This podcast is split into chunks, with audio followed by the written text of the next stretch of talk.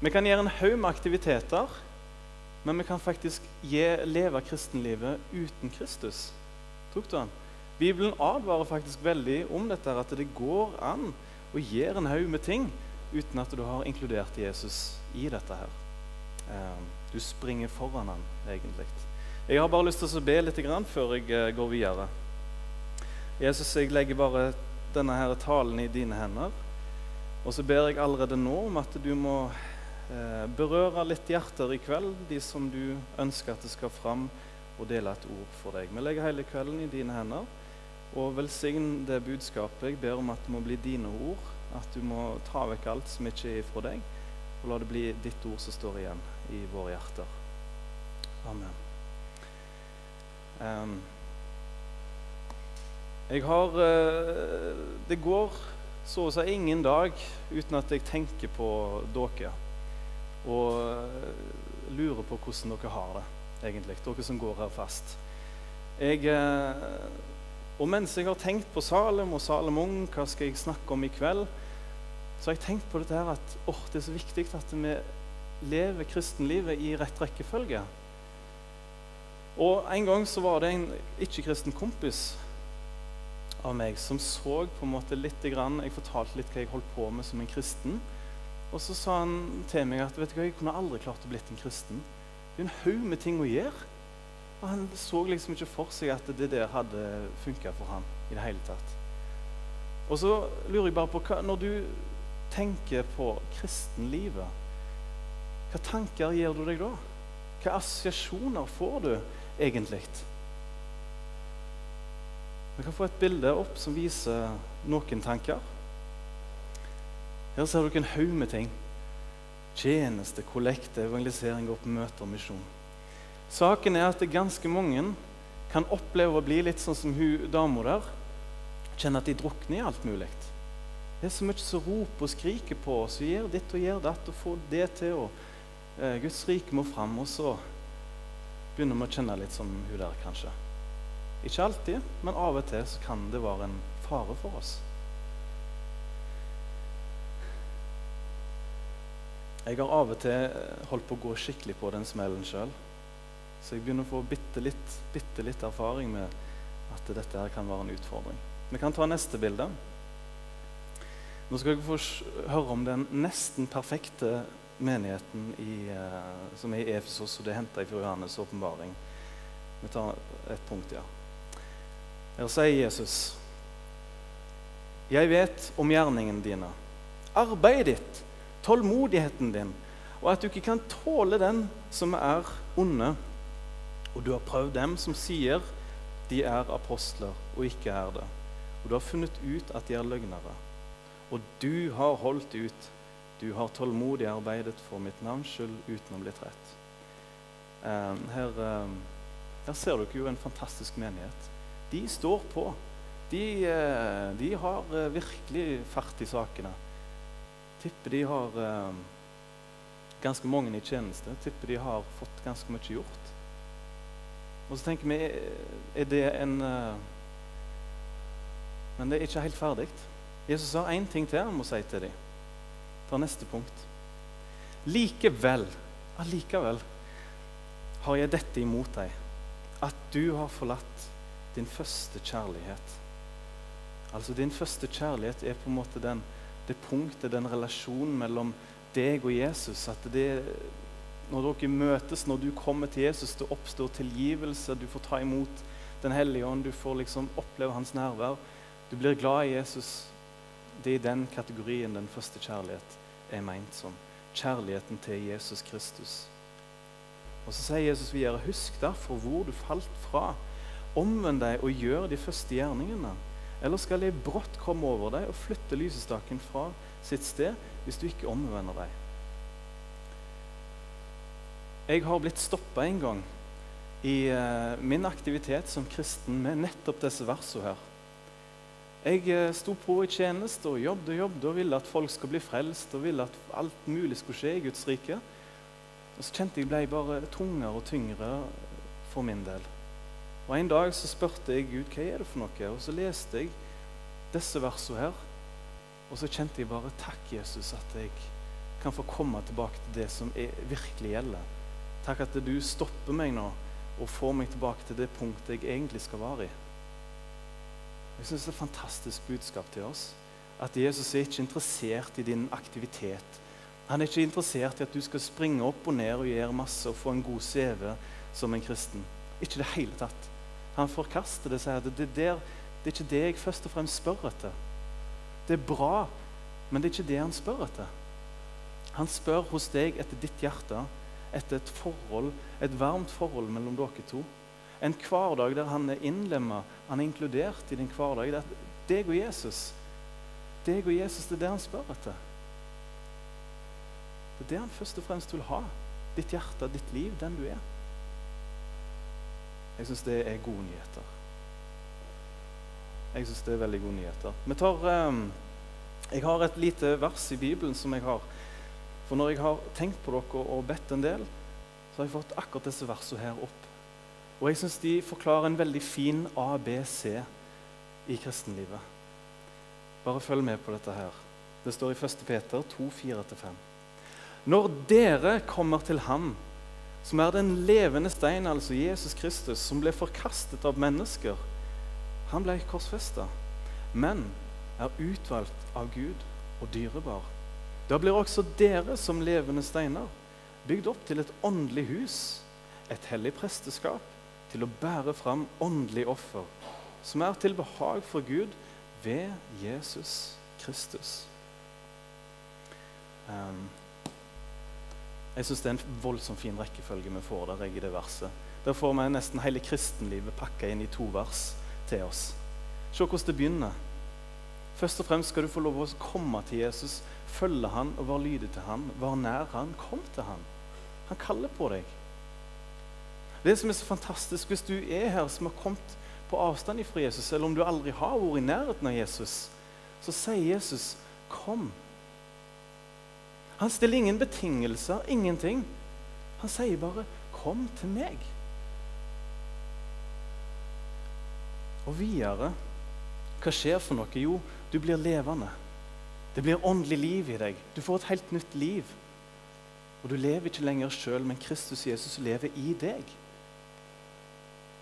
Og så videre, hva skjer? Jo, du skal bli ikke en sånn singelstein som springer rundt for deg sjøl, men du skal være i sammen med andre kristne og bli bygd opp til et åndelig hus. Og så ser vi via her at du er en prest for Gud. Tenk den stillingen du har. I Kristus er du en prest eller prestinne om vi skal si det sånn, for Jesus. For en tittel. Det skal du få være med på. Ok, Jeg håper du ser rekkefølgen. Jeg håper at du tar disse bibelversene her og merker de og leser de, pugger de, kan de utenat og alltid kommer tilbake inn til den rekkefølgen der, sånn som det står i. Ok. Um, vi skal ta neste bilde. Så skal vi ta det første punktet. Nåden. Det er det det handler om først og fremst. Når dere kommer til ham, det blir også dere som levende steiner. Og dere er bygd opp på apostelens og profetens grunnvoll, og Jesus Kristus selv er hovedhjørnesteinen. Ser dere det bildet der? At det er bygd opp sånn at hvis Jesus går ut, så ramler alt sammen. Hvis du ikke bygger ditt kristenliv på Jesus Kristus som et personlig forhold, så ramler alt sammen. Det betyr ingenting. Uten Jesus kan du ikke gjøre noe som har en evighetsverdi. Du kan finne på masse rare ting, men det betyr ingenting for evigheten. Kristus skal være hovedhjørnesteinen. Ser dere det bildet? Ja, dere ser det. Ha fokus på det. Er han grunnlaget i ditt liv? Bygger du din hverdag på det han har sagt og gjort for deg? Og så er det en fantastisk historie om nåden. Og det er um, noe vi aldri må glemme. Det er når Jesus forteller lignelsen om den bortkomne sauen. Så står det at det er en gjeter som går vekk fra de 99, så går han og leter etter den ene som kommer vekk. Og så står det at når han finner han, så løfter han han opp og tar han på skulderen og går hjem og gleder seg. Jeg er skikkelig glad og fornøyd. For nå har han funnet igjen sauen sin. Så tenker jeg oppi alt vårt ork med oi, jeg må lære mer i Bibelen, jeg må gå på møter, jeg må være med i tjeneste. Og så føles det til slutt at du skal bære hele kristenlivet hvis du begynner i den enden der. Det er helt feil. Sånn som jeg har skrevet her, du bærer ikke kristenlivet, men Kristus bærer deg. Det syns jeg er fantastisk og en ting vi alltid må minnes om. Du trenger ikke holde oppe kristenlivet ditt. Det er helt feil. Jesus skal få fylle deg opp med sin kjærlighet og vare deg nær. Han kaller på deg. Du skal bare være lydig mot ham lydig mot det som han har sagt. Følge ham. Det syns jeg er herlig. Det er alltid Jesus tar initiativ. Det er aldri du som kommer på dette. her. Det er alltid Jesus som virker i ditt hjerte. Om du begynner å be, eller om du begynner å lese Bibelen eller gå på møter, og det fører til at det er vekst som kristen Det er alltid Jesus som har gjort det først. Alltid sammen. Han skal ha all ære. Egne anstrengelser er nytteløse. Du må la deg finne av Jesus. Et eksempel på dette her med nåden, at vi må bare gi opp våre egne anstrengelser og overlate alt til Gud. At han skal få leve gjennom oss, behandle oss. Et eksempel på det var at det var en, en misjonær i Kina som det var veldig vanskelig å forklare kineserne nåden. Hvordan det hang i sammen at du skal ikke bidra med noe sjøl. Jesus skal få gjøre alt. Så tok han og tente fyr på et område i en ring ute. Og Så fant han en orm og heiv ormen, en slange, inni den eh, flammeringen. Og så så de på dette her. liksom Der fer slangen rundt omkring, og det var en ildring som var rundt og åt seg innover mot slangen. Det som var med slangen, at den instinktivt for rundt omkring rundt ringen og prøvde å finne en utvei og komme ut ifra flammene. For slangen kjente jo at det var røyk, og at det var fare på ferde. Og Slangen for rundt og rundt og rundt og erfarte til slutt, brukte opp kreftene sine, fant ut det går ikke an å komme ut herifra. Og slangen la seg bare i en sånn krøll i sammen. Og Dette her så lokalbefolkningen på i en landsby i, i Kina. en eller annen plass. Og Så gikk misjonæren bort til den der som slangen var, bøyde seg over flammene så vidt, grabba opp slangen som lå, hadde gitt opp, og løfta den opp. Og Så dingla han der med slangen og sa på samme måte som dere anstrenger dere kanskje for å finne veien til Gud. Det eneste måten dere finner til Gud, det er å gi opp og si at du må overta. Du må, du må ta over. Du må gi opp egne anstrengelser. Falle sammen og la Jesus få plukke deg opp. Jeg syns det var et ok bilde, på en måte. Jesus er den som må gjøre det. Han er den som må løfte deg opp. Og jeg tror det er mange som kan vitne om at de har strevd og prøvd og blitt bedre og Jo mer de prøver, jo mer uggen føles de seg. Så gir de opp, og så kommer Jesus. Kanskje det var et ord til noen her nå. Vi kan ta neste punkt som jeg har lyst til å forklare. B-en, altså. Åndelig fellesskap. Sånn skal du ikke være, for å si det sånn. Du er ikke meint å være kristen alene. Vi kan ta et punkt der. Sagt om evangeliet. Ingen som går på veien, selv ikke dårer, eh, tullebukker, om vi skal si det sånn på godt norsk, skal fare vill. Dette er sagt om evangeliet. Dette er budskap som står her. Gud har gjort det på en sånn måte at det skal ikke stå på det intellektuelle. Alle skal kunne gripe dette budskapet og ta imot Jesus Kristus. Alle. Det fins ingen unnskyldning for menneskelig svakhet å ikke kunne forstå evangeliet. Men punkt to her Ta neste. Men hvorfor er det da så mange som sier at det er vanskelig å leve et kristenliv i hverdagen? De tilbakemeldingene jeg får mest på, er kanskje dette her. Hjelp meg å lære, nei, leve ut kristenliv i hverdagen. Hverdagskristen det er topp ti, eller topp tre kanskje faktisk, på det temaet som folk ønsker. Dette må vi lære mer om. Lær meg dette. Og jeg merker at det er mange som kan komme tilbake og si at det er vanskelig. Det går i den samme tralten, skjer ingenting. Punkt tre. En stor grunn, tror jeg, kan være at fordi mange lever lukka med sin tru og deler den ikke med sine brødre og søstre i Kristus. For meg så skjøt det fart at det begynte å skje noe med meg når jeg delte mitt liv med andre kristne. Når de spurte meg hvordan har du kommet til tro, og jeg begynte å snakke hva Jesus betydde for meg, og hvordan det har gått seg til Når jeg begynte med én og to personer, og delte mitt liv med dem, så begynte det å skje noe med meg som aldri hadde erfart før. Mange sier kanskje i dag at det, er, det går mest i fotball og jobben og eh, sydenturen som jeg hadde forrige uke. Det, går i det, det er mye lettere å snakke om disse tingene, men når det kommer til å snakke om Jesus, mitt liv med Jesus, så er det helt sånn Det er akkurat som det stopper totalt opp. Og jeg tror faktisk, om vi skal gå til det punktet, at jeg tror det har litt med åndskrefter å gjøre at eh, når, Hvorfor blir det så kleint? Hvorfor er det noe som hindrer oss? Det er noe så viktig, og så blir vi hindra. Jeg tror at dette her er noe som vi må jobbe med. altså.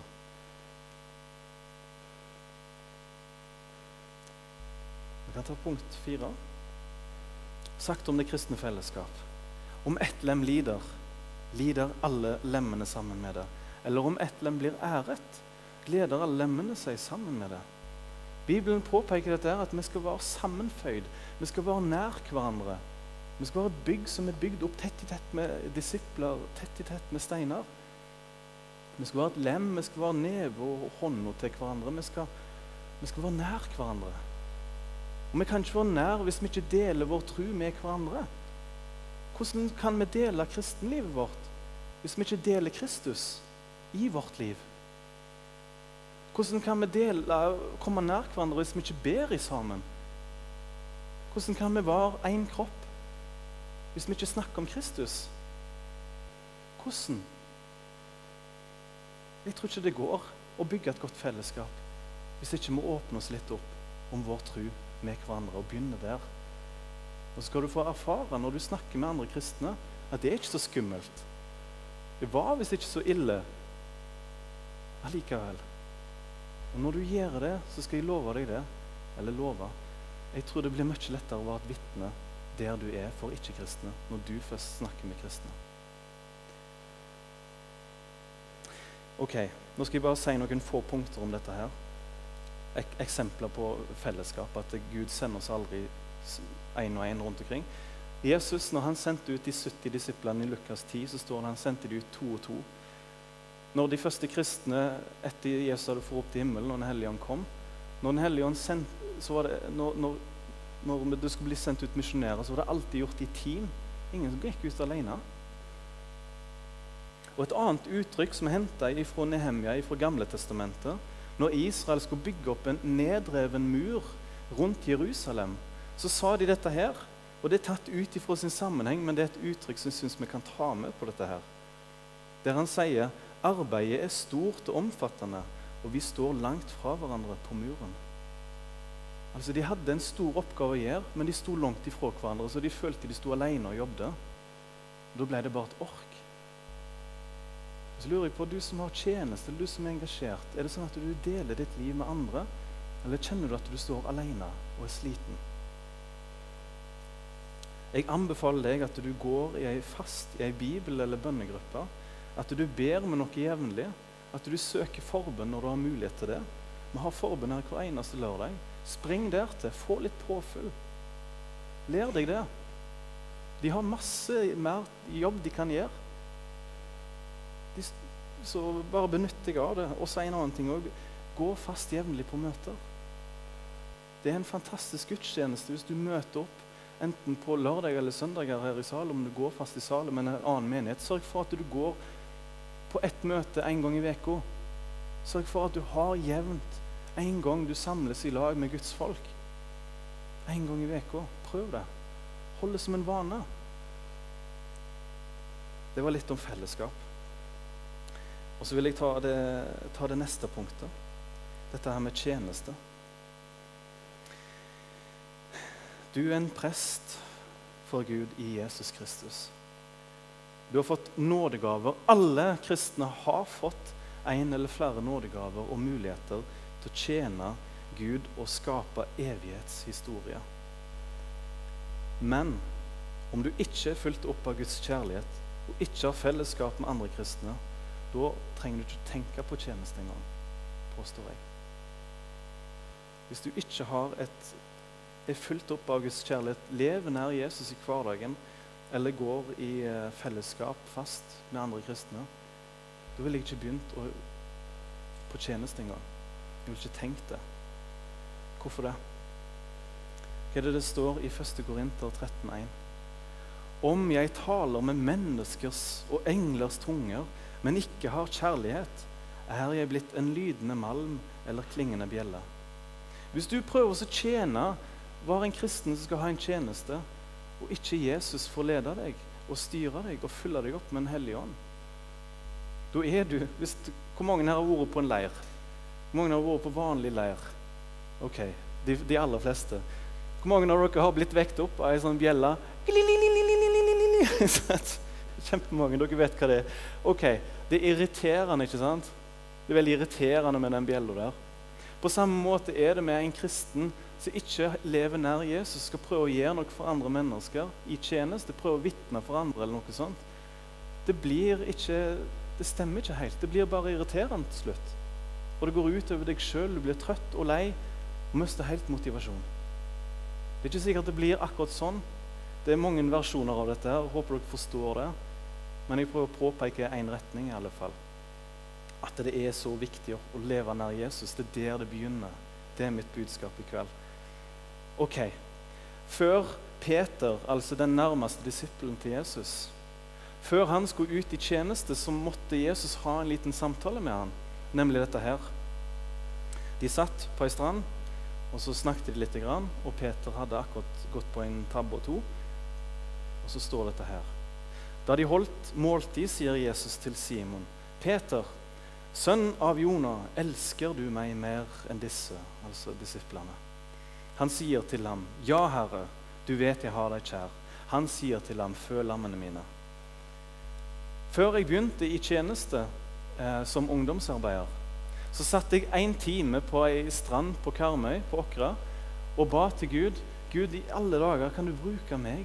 Kan du bruke meg til å bety noe for andre mennesker? Det virker så fjernt. Hvem er jeg? Hva kan jeg bidra med? Og så ba jeg en time og liksom Gud, gi meg noe. Jeg trenger noe å gå på. Jeg trenger et ord. Jeg trenger noe som kan vise og oppmuntre meg dette her. Og så fikk jeg akkurat dette bibelverset der. Opp inni meg. Det ruller akkurat som opp, de ordene der. Og så fikk jeg si til Jesus Jesus, jeg er faktisk glad i deg. Og så fikk jeg akkurat som en tilbakemelding gjennom det bibelverset der at hvis du, og det som jeg har skrevet der, er du sjøl glad i Jesus, så har du alt som skal til for å gjøre andre glad i ham også. Det budskapet mottok jeg, og på det ordet så gikk jeg inn som ungdomsarbeider. og tenkte at Hvis jeg er nær Jesus og er glad i ham, da har jeg alt som skal til for å gjøre andre glad i Jesus og få andre nær ham. Tenk så enkelt det er egentlig. Du skal holde deg nær Jesus, så kommer alt ut derifra. Tenk så fantastisk at du skal få, du skal få slippe, hvis du kjenner at du har lite erfaring, og sånt, å gå på tusenvis av kurs og gå på teologigreier og sånne ting. Begynn med at du er nær Jesus, vær glad i ham. Og jeg synes Det var et fantastisk budskap en gang vi hadde delekveld her i Salem. Så var det ei jente Jeg vet ikke om du er her, kanskje, men, og jeg kanskje feilsiterer ting. Men Poenget var at det var ei jente som hadde ei venninne som var ateist. og de drev og vitna. Hun, hun kristne jenta vitna for ateisten. Og det skjedde ingenting. Det var bare kollisjon hele tida og motargument. Og Til slutt så sa hun kristne jenta Hun ga opp så sa hun, ja, jeg vet iallfall én ting, og det er at jeg elsker Jesus. og vet du hva? Hun ateistjenta hun smelta helt det vitnesbyrdet der gjorde at hun bare la vekk alle, alle, argumenter. For hun så noe varmt, hun så en kjærlighet, hun så noe himmelsk inni her. Hun så Guds kjærlighet som levde i denne jenta her. Og da Det var det. Tenk så fint det er. Ok, en liten oppsummering. Er det flere bilder, forresten? Nei? Oppsummering Begynn med Jesus, nåden og Jesus. Ha det nært i ditt hjerte. Nummer to, søk det kristne fellesskap. Del ditt liv med andre kristne, og hold deg nær andre kristne jevnlig. Og nummer tre, da vil du bære frukt. Da vil fruktene komme av seg sjøl. Det er ikke noe du skal anstrenge deg fram for å få. Hva var det sto i Johannes 15? Den som blir i meg og jeg i ham, han bærer frukt. Det er helt naturlig, det er en naturlig konsekvens. Det er en evig lov som Gud sjøl har gitt. Lev der, så skal du ikke gå trett. Ha fokus på Jesus. Det er ikke en klisjé, det er faktisk det som er livet. Det er det som alt springer ut ifra. Nå skal jeg ha en kort bønn til slutt. Jesus, hjelp oss å bare holde fokus på deg. Hvis vi er en menighet som ligner på Efesos, som holder på med masse aktivitet, men ikke har den første kjærlighet, da ber jeg om at du må stoppe oss opp. Og så må du bare gjøre sånn at vi begynner i rett rekkefølge. At vi alltid lever nær deg i hverdagen, Jesus. Og at vi søker det kristne fellesskapet og stoler på hverandre og får hjelp hos hverandre. Og ærer hverandre og løfter hverandre opp. Og så ber jeg om at du må bare gjøre sånn i våre liv at vi bærer frukt for deg. En sånn frukt som varer, en sånn frukt som gjør at andre mennesker kommer til tro. En sånn frukt at vi kan oppmuntre hverandre til å vandre helhjertet på veien til himmelen. Vi ber om alt dette her for ditt navn sjøl. Tal til den enkelte og bare gjør noe i våre hjerter. Gjør det som trengs. Jeg personlig Jesus, ønsker deg velkommen til å vise meg hva jeg trenger å ha fokus på i mitt liv. Hva jeg trenger å kutte ut, og hva jeg må begynne med, og hva rekkefølge ting skal gå i. Så ser du den enkelte hvordan de ber, og hva den enkelte trenger.